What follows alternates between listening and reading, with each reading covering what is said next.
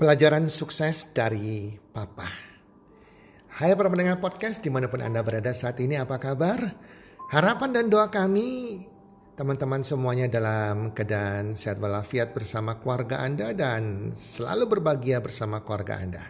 Dan pasti-pastinya rezeki Anda akan makin bertambah dari hari ke hari serta kesuksesan dan keberuntungan menyertai Anda sepanjang tahun ini. Para pendengar podcast di podcast kali ini kami akan membagikan sharing dari Bapak Hermanto Tanoko. Bapak Hermanto Tanoko adalah CEO pabrik cat terbesar di Indonesia yaitu Avian dan dia juga pemilik minuman Cleo, pemilik beberapa perhotelan dan pengusaha properti dan beliau termasuk orang yang tersukses juga dan salah satu orang yang terkaya di Indonesia teman-teman ya jadi kita dengarkan sama-sama pengalaman dari Pak Hermanto Tanoko tentang pelajaran sukses yang dia dapat dari almarhum papanya. Yuk kita dengarkan sama-sama, semoga bermanfaat.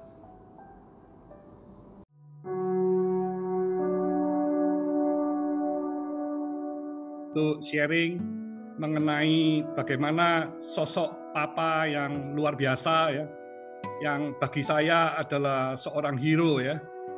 Jadi memang pada tanggal 1 November yang lalu saya mendapatkan cobaan yang sangat berat.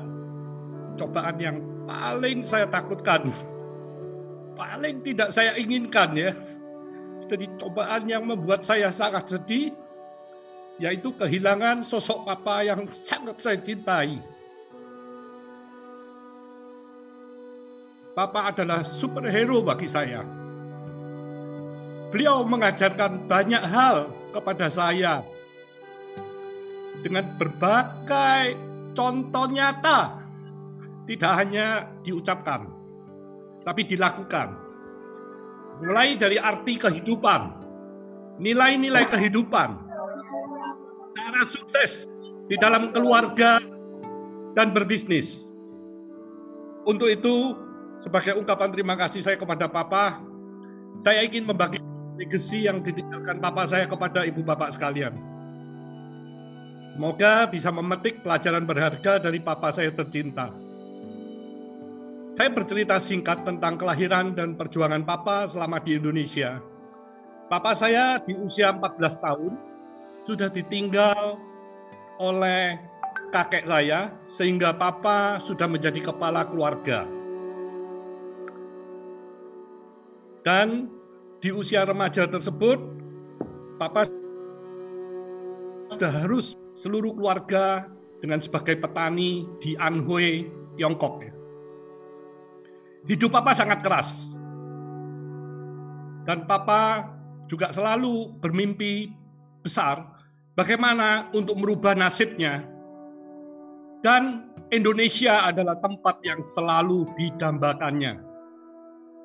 Singkat cerita, di usia ke-20, tepatnya pada tahun 1948, akhirnya Papa memutuskan untuk merantau ke Indonesia. Saat ke Indonesia, Papa hanya berbekal setengah gelang milik emak untuk membeli tiket kapal yang perjalanannya selama dua minggu baru sampai di Surabaya.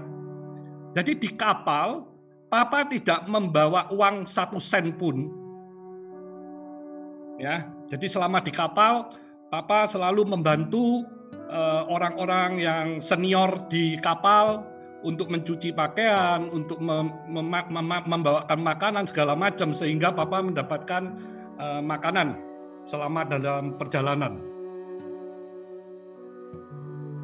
Sesampai di Indonesia,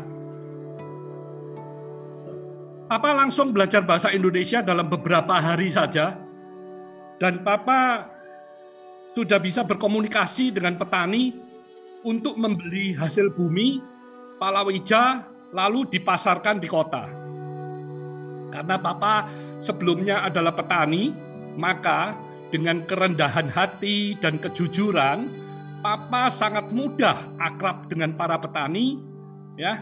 Jadi e, memberi harga juga sangat fair, sehingga Papa bisa menjadi pengusaha hasil bumi yang cepat sekali berhasil. Sehingga di tahun 1951, setelah tiga tahun di Indonesia, Papa saat itu berusia 23 tahun, memutuskan untuk menikahi gadis asal Pasuruan yang bernama Chiu Hun, mama saya. Kemudian Papa menyewa sebuah rumah toko ya, ruko ya di daerah Singosari dan mulai menjual hasil bumi dari petani dijual ke para pedagang di kota Singosari. Papa hanya bermodalkan timbangan, piring, maksudnya dua piring ya, dua set sendok, dua garpu, ya itu adalah perjuangan dari papa mama memulai usaha sendiri. Tapi memang jiwa bisnis papa didukung dengan mama saya yang memang luar biasa. Jadi benar-benar papa mama saya melakukan segala sesuatunya dengan extra mile. Papa selalu mengedepankan lima hal dalam berbisnis. Lima hal itu adalah kejujuran, kerendahan hati, kreatif, keuletan, dan kerja keras. Berkat lima hal inilah, Papa jadi mudah sekali disukai dan dipercaya orang. Sehingga bisnis apa pun yang dikelola oleh Papa selalu berhasil. Pada tahun 1959, Papa telah berhasil uh, mempunyai bisnis yang berkembang pesat, ya. Kebahagiaannya juga bertambah ketika Papa bisa membahagiakan istri dan keempat anaknya dengan mempunyai rumah, mempunyai toko dan sepeda motor.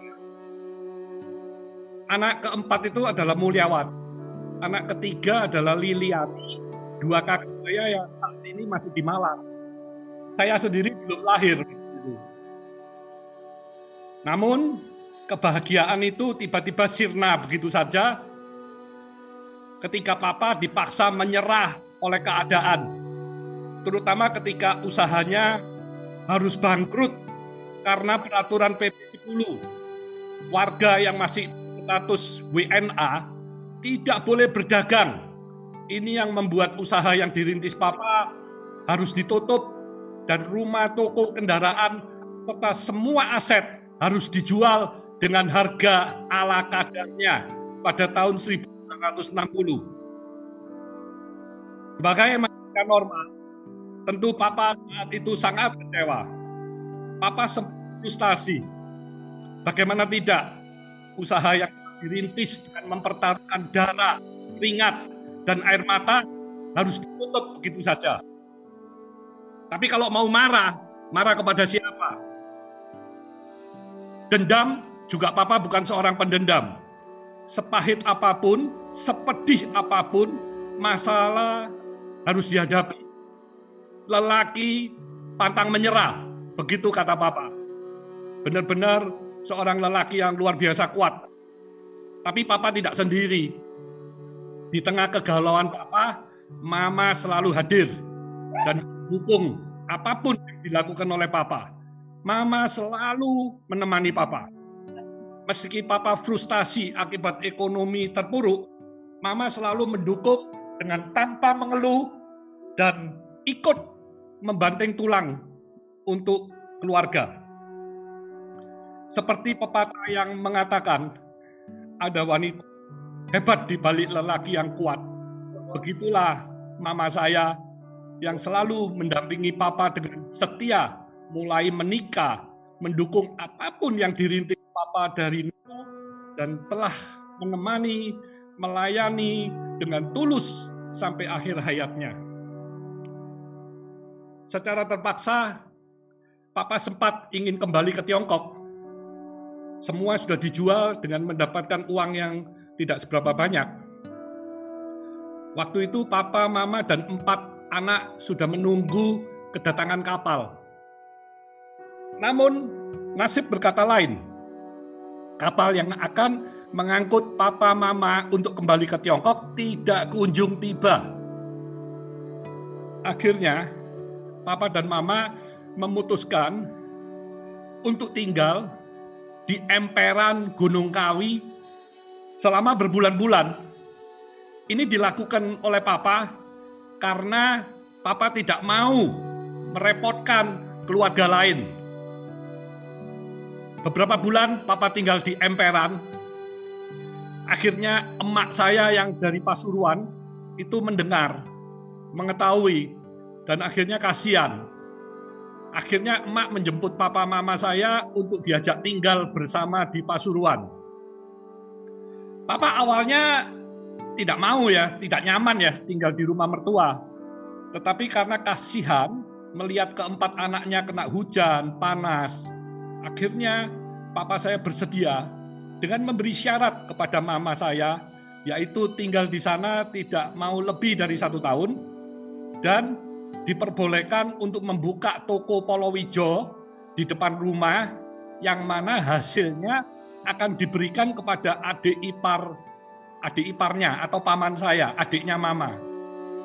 Akhirnya terjadilah kesepakatan dan papa bisa memulai usaha barunya dengan berdagang eh, Polowijo hasil bumi ya di depan rumah nenek dengan memakai nama dari paman paman saya. Usaha toko hasil bumi tersebut ramai sekali ya. Karena bekas tangan dingin papa ya, dari berkat tangan dingin papa yang memang luar biasa, tokonya sangat sukses. Tapi sifat papa saya itu kan tidak mau menyusahkan orang lain. Jadi persisnya 9 bulan, 9 hari, papa memutuskan untuk meninggalkan rumah emak dan memberikan bisnis Polowijo tersebut kepada paman saya. Papa memilih pindah ke kota Malang. Ya, jadi lebih memilih hidup mandiri walaupun susah. Di Malang, Papa menyewa sebuah rumah atau sebuah gang ya. Gangnya itu ukurannya satu seperempat kali 9 meter. Gang tersebut bekas dari kandang ayam ya, yang akhirnya disulap oleh papa saya menjadi rumah tinggal di jalan pecinan kecil. Sekarang gang tersebut sudah nggak ada ya, saya ke Malang sudah nggak ada karena kena reland di jagalan jalan jagalan itu diperbesar sehingga akhirnya toko dan gang yang di sebelah itu hilang sekarang menjadi jalan. Dan di rumah itulah saya dilahirkan ya. Jadi papa pada waktu di Malang membeli hasil bumi dari Singosari dengan bersepeda dan menjualnya di kota Malang. Sedangkan mama saya menjual pakaian dan barang-barang bekas di depan rumah gang tersebut. Singkat cerita pada tahun 1962, kesempatan yang ditunggu-tunggu Papa datang ya, di mana Papa diajak oleh Suwandi Suwandi itu adik-adik papa ya, adik tiri papa, beda ibu ya, untuk kongsi membuka toko dengan menyewa lahan di Jalan Wetan Pasar. Yang pada saat itu adalah pusat perdagangan yang paling ramai di kota Malang.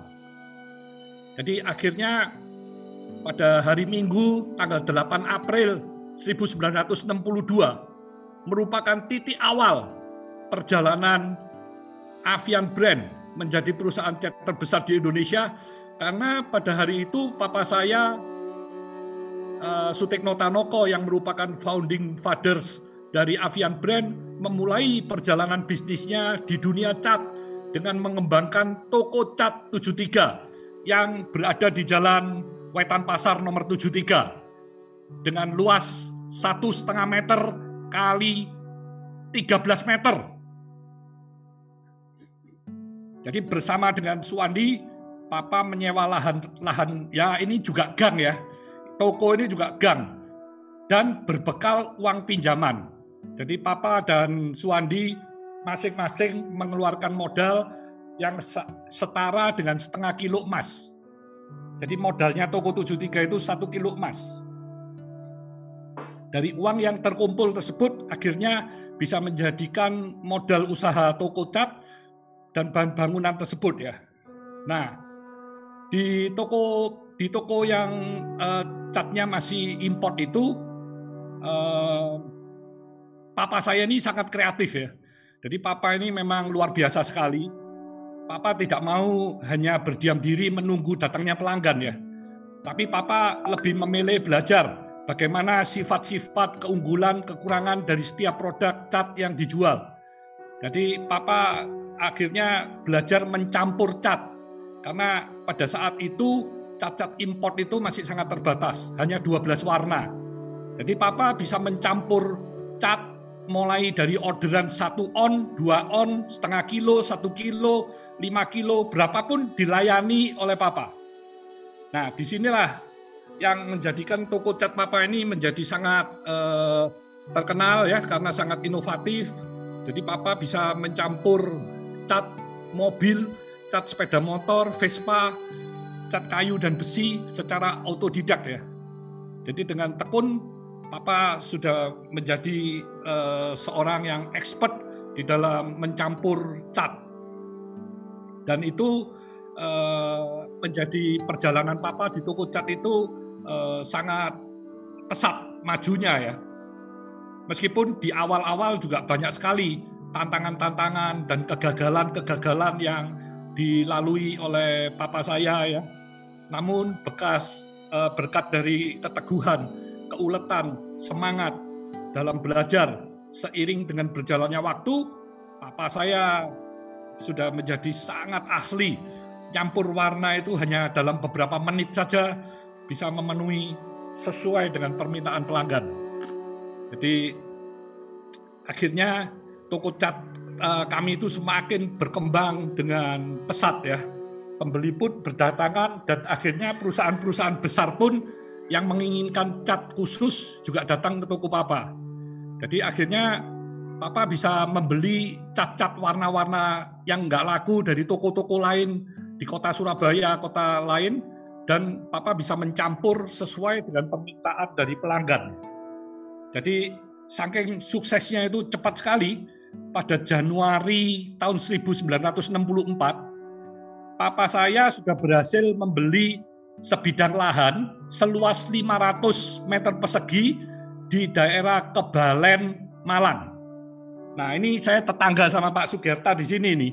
Di Kebalen ini eh, tanah seluas 500 dibagi dua untuk masing-masing eh, Papa dan Suwandi 250 meter persegi dibangun rumah dan eh, toko di depannya.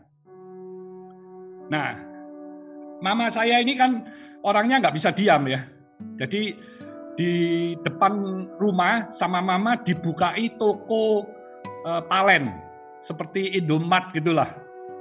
Jadi Eh, pada tahun 64 itu kami sudah pindah dari pecinan kecil yang bekas dari kandang ayam itu ke Jalan Kebalen nomor 87. Kebalen 87 saat ini adalah adik-adik dari mama saya yang meneruskan toko mama. Nah itu tokonya masih jualan toko palen itu ya nomor 87. Gedungnya saya pernah lihat juga masih tidak berubah. Itu masih tetap seperti dulu. Nah, jadi keteguhan dan insting dari bisnis baik dari papa maupun mama ini memang luar biasa ya. Dan juga eh, pada tahun 64 itu sesungguhnya papa mengalami eh, keuangan di toko 73 karena invest eh, lahan di Jalan Kebalen itu mempengaruhi keuangan toko ya, yang cepat sekali kan, cuma dua tahun sudah bisa beli lahan sehingga akhirnya tokonya itu jadi eh, tidak bisa muter itu.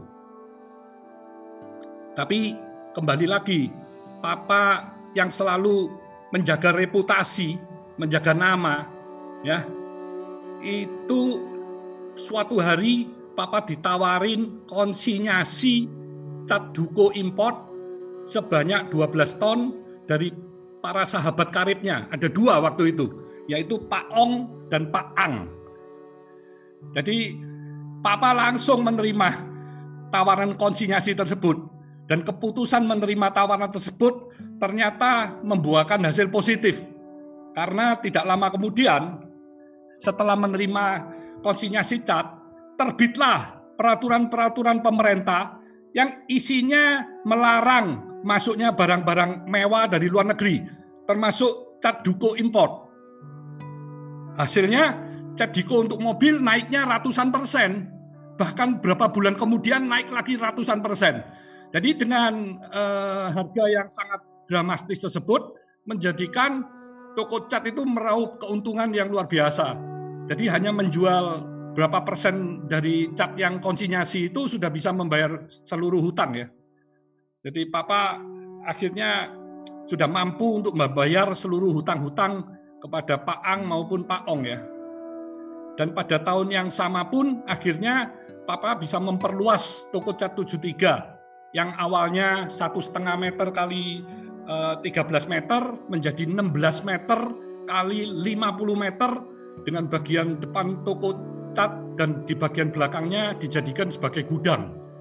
Jadi pembangunan toko juga dilakukan secara bertahap, terus bertumbuh, berkembang. Sehingga eh, toko 73 ini menjadi toko cat yang paling ramai dan terbesar di kota Malang. Dan tidak hanya itu ya, jadi Papa dan Suwandi ini juga berkeinginan untuk mengembangkan usaha bisnis yang lain.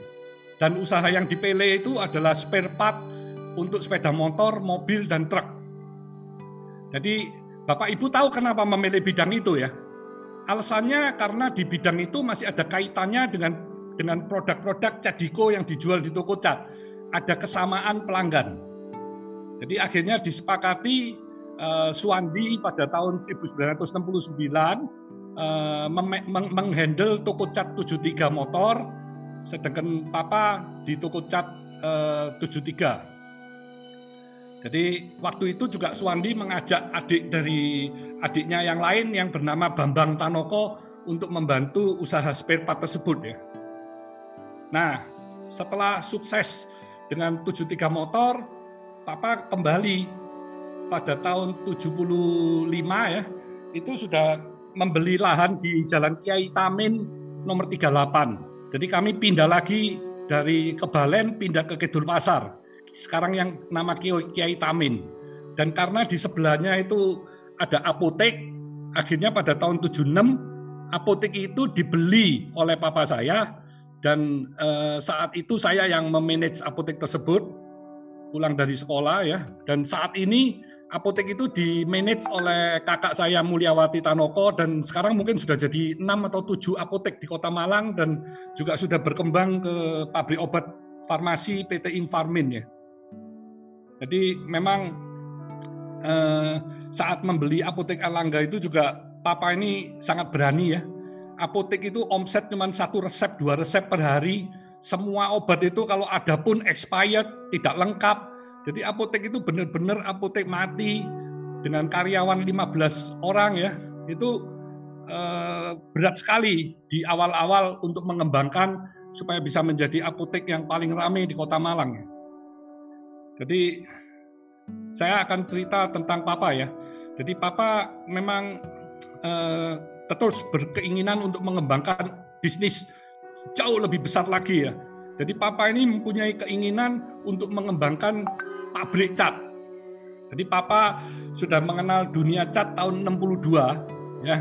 Jadi pada tahun 76 77 itu di usia Papa 50 itu Papa ingin menjangkau wilayah yang lebih luas lagi. Ya, itu dengan mendirikan pabrik cat.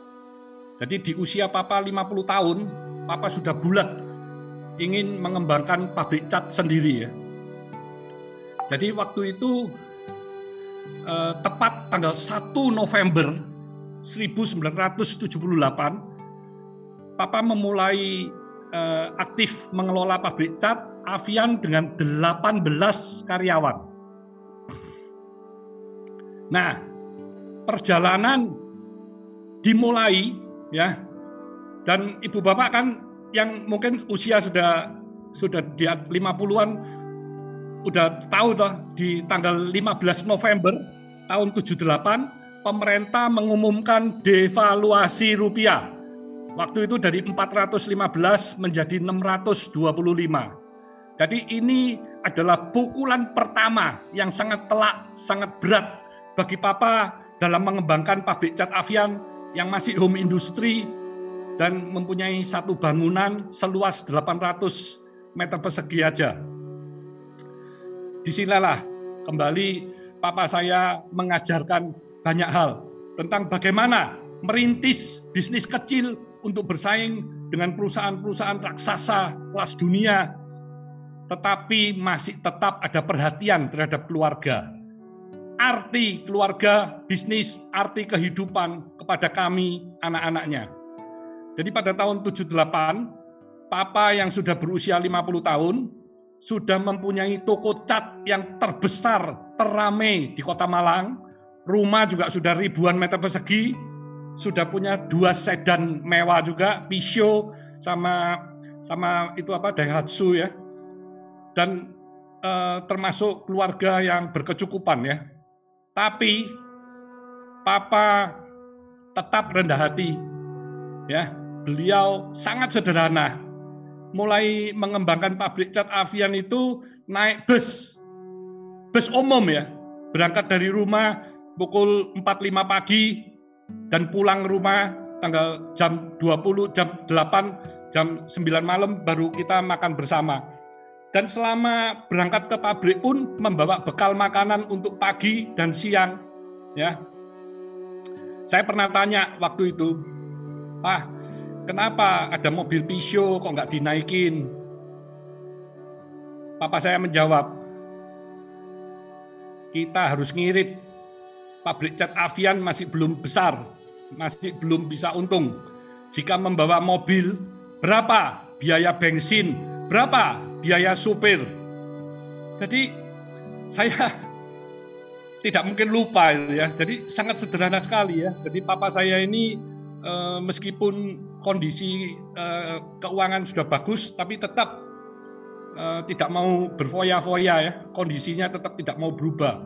Semua perhitungan pengeluaran dihitung dengan sangat detail agar perusahaan bisa bersaing dan terus bertumbuh. Ini adalah sebuah perilaku yang patut dicontoh dan diteladani oleh kita semua ya. Jadi di bawah tangan dingin Papa, Avian perlahan-lahan mulai menunjukkan taringnya ya. Dengan pengelolaan yang luar biasa, perusahaan um industri dengan 18 karyawan itu mulai berproses menuju perkembangan yang sangat menjanjikan.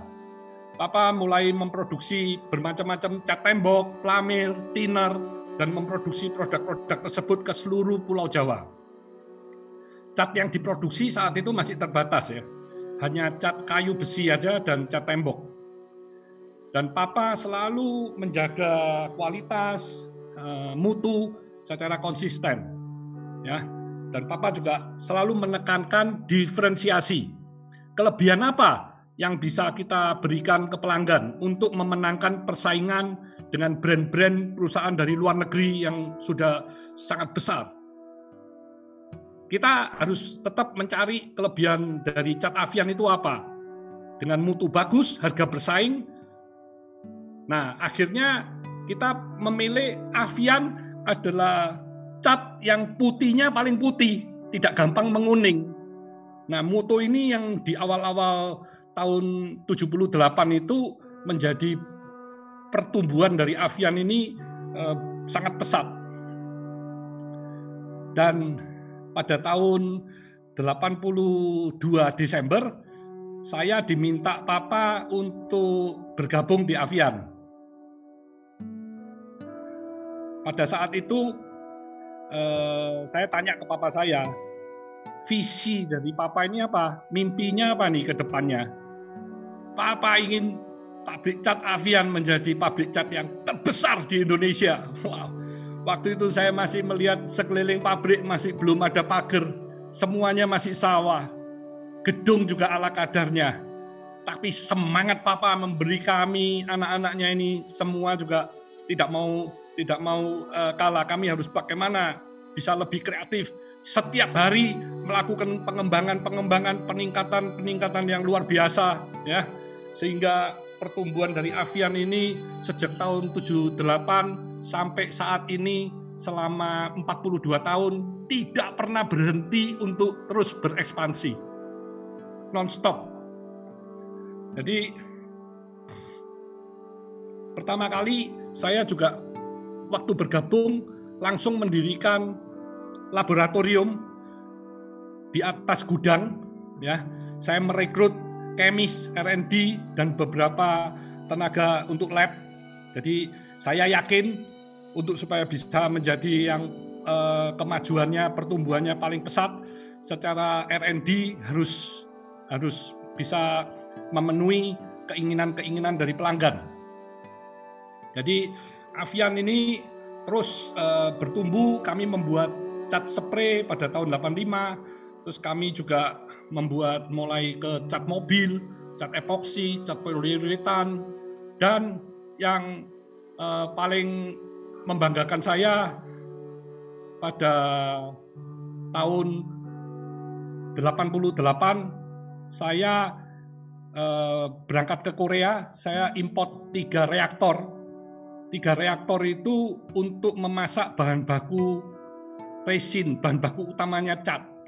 Jadi Avian ini menjadi satu-satunya pabrik cat lokal yang masuk ke ke hulu ya jadi kami membuat resin itu menjadikan uh, kami punya cost, kami punya quality paling menang dibandingkan dengan pabrik-pabrik yang ada pada saat itu.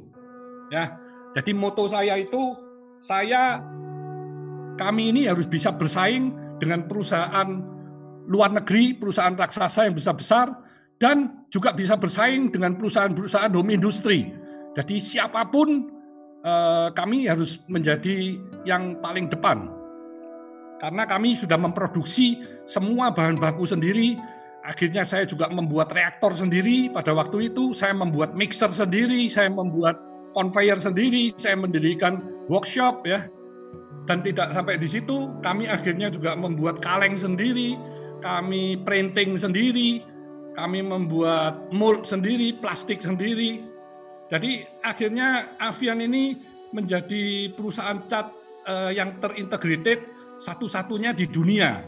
Termasuk kami juga mempunyai distribusi lain ya. Kami sekarang ada 100 cabang di seluruh Indonesia, masing-masing cabang luas sekitar 3.000 sampai 5.000 meter persegi dengan 2.500 sales force yang semuanya membawa gadget, mereka bisa tahu stok, mereka bisa langsung bisa mengirim pada hari penerimaan order seluruh driver truk yang jumlahnya saat ini juga ribuan juga mempunyai dikontrol dengan GPS. Kami bisa tahu kapan bisa terkirim ke para pelanggan. Jadi Avian ini perkembangannya sudah sangat pesat ya. Nah ini eh, saat pada tahun 96 itu Papa sudah memutuskan ya di usia Papa 66 tahun ya memutuskan untuk menyerahkan full operation kepada kami anak-anaknya. Jadi saya sama Wiono, Wiono itu adalah kakak saya ya. Nah itu Wiono yang lebih aktif di sales marketing, saya lebih aktif di development, di pengembangan, di di sisi eh, R&D, perluasan ya. Nah itu Papa memberikan kesempatan yang sangat luas kepada anak-anaknya untuk mengembangkan bisnis. Dan pesan Papa cuma satu, progres Avian untuk menjadi pabrik cat terbesar di Indonesia harus segera terwujud. Kalimat itu yang dilontarkan oleh Papa yang selalu menancap di hati kami. Kalimat yang mengingatkan kami untuk mencapai mimpi tersebut. Maka pertumbuhan Avian harus selalu double digit dan pertumbuhannya harus selalu di atas dari pertumbuhan cat secara nasional. Papa masih terus melakukan aktivitas dengan setiap hari datang ke pabrik cat Avian. Jadi Papa sangat sering sekali ya berjalan kaki mengelilingi pabrik kami yang saat itu luasnya 13 hektar di kota Sidoarjo ya. Kalau sekarang Avian sudah mempunyai lahan di Gresik ratusan hektar dan kami saat ini juga lagi merencanakan pabrik cat terbesar di Cirebon. Lahannya juga sudah ratusan hektar. Pabrik kami yang di Serang juga sudah beroperasi. Ya. Jadi Papa selalu ingin bertemu dan mendengarkan keluh kesah dari karyawan ya. Jadi beliau memang sangat low profile. Papa selalu memberikan suri tauladan yang sangat baik bagi kami anak-anaknya. Pada 1 November 2018, berarti setelah 40 tahun, kami memberikan hadiah ulang tahun papa saya, ya, yang ke-40 itu, Avian yang ke-40, sebuah kantor Avian Tower yang sangat ikonik di kota Surabaya. Lantainya 22 lantai ya. Itu semua dipakai khusus untuk bisnis Avian. Jadi sungguh pelajaran yang sangat luar biasa dari Papa ya. Beliau meninggalkan legacy yang sangat berharga untuk kami anak cucu cicit dan juga serta bagi seluruh uh, masyarakat Indonesia. Perjuangan beliau begitu luar biasa. Ini berawal dari setengah kilo emas. Sekarang beliau bisa melahirkan puluhan perusahaan, puluhan pabrik, perusahaan distribusi memperkejarkan puluhan ribu karyawan ya. Jadi ini pencapaian yang sungguh sangat luar biasa. Jadi tepat pada tanggal 1 November 2020 setelah 42 tahun, kami memberikan kado spesial untuk ulang tahun Papa, yaitu sebuah laboratorium R&D, Avian Innovation Center, seluas 5.000 meter persegi, dengan investasi lebih dari 100 miliar pada saat krisis ini. Satu-satunya laboratorium yang terbesar di Asia Tenggara. Jadi ini adalah wujud Avian tidak akan berhenti, tidak akan menjadi terbesar di Indonesia, tapi kami juga akan masuk ke Asia. Jadi ini adalah mimpi Papa, ya. Jadi di tanggal yang sama Papa telah meninggalkan kita semua.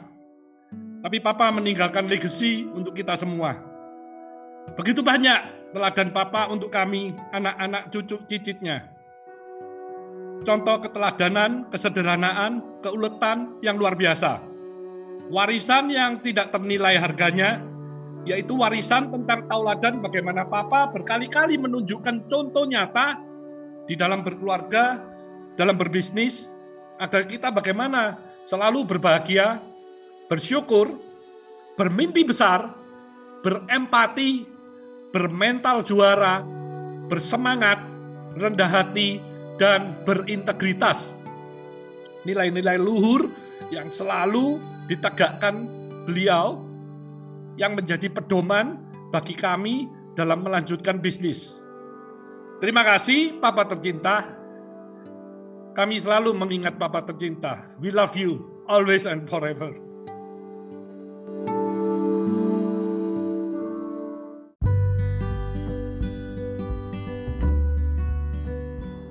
Terima kasih sudah mendengarkan podcast kami.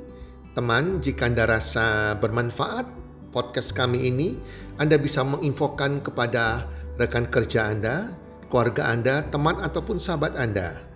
Dan jika ada hal-hal yang Anda ingin tanyakan kepada kami ataupun topik-topik apa yang Anda ingin kami bawakan, kami sampaikan, Anda bisa DM kami di Instagram kami Health Community id. Salam one two three, salam sehat, sejahtera dan bahagia.